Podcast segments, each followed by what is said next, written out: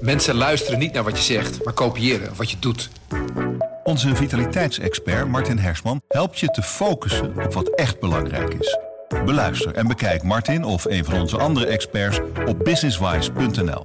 Businesswise, het nieuwe platform voor iedereen met ambitie.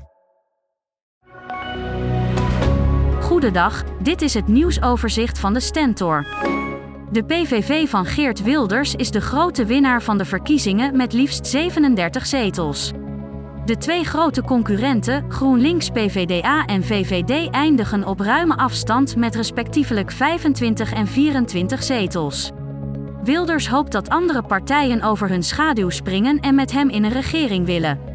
Zowel NSC als de VVD lijken de deur open te houden voor samenwerking met de PVV. Deventer bedrijven lopen tegen de beperkingen aan van het overbelaste stroomnetwerk. Het is nu zelfs code oranje. Aanvragen voor nieuwe of zwaardere elektriciteitsaansluitingen komen op een wachtlijst. Voor nieuwe ondernemers of bedrijfsuitbreidingen wordt het heel lastig, zegt Mark van Mast, parkmanager van de Deventer Bedrijventerreinen. Het moet veiliger worden op de Sprengenweg in Apeldoorn, maar juist daardoor vrezen omliggende winkels negatieve gevolgen. Ondernemers zijn overvallen door de plannen van de gemeente en uiten hun zorgen.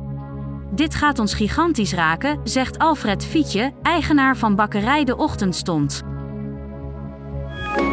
Met de opwekking van zonnestroom gaat het dit jaar beter dan ooit. Alle zonnepanelen in ons land tezamen hebben nu al meer stroom opgewekt dan in heel 2022 bij elkaar. Vooral met de opwekking van zonnestroom op huizen gaat het hard, blijkt uit nieuwe CBS-cijfers. Drie op de tien huizen hebben inmiddels zonnepanelen en dat is inclusief appartementen. Tel je die niet mee, dan woont bijna de helft van Nederland inmiddels onder een dak van zonnepanelen.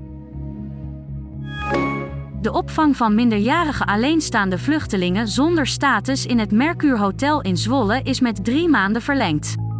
Bij een vragenlijst hebben de meeste omwonenden laten weten positief te zijn over een verlenging.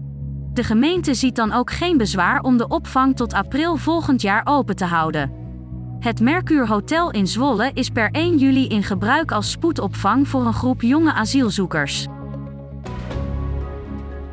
Tot zover het nieuwsoverzicht van de Stentor. Wil je meer weten? Ga dan naar de Stentor.nl.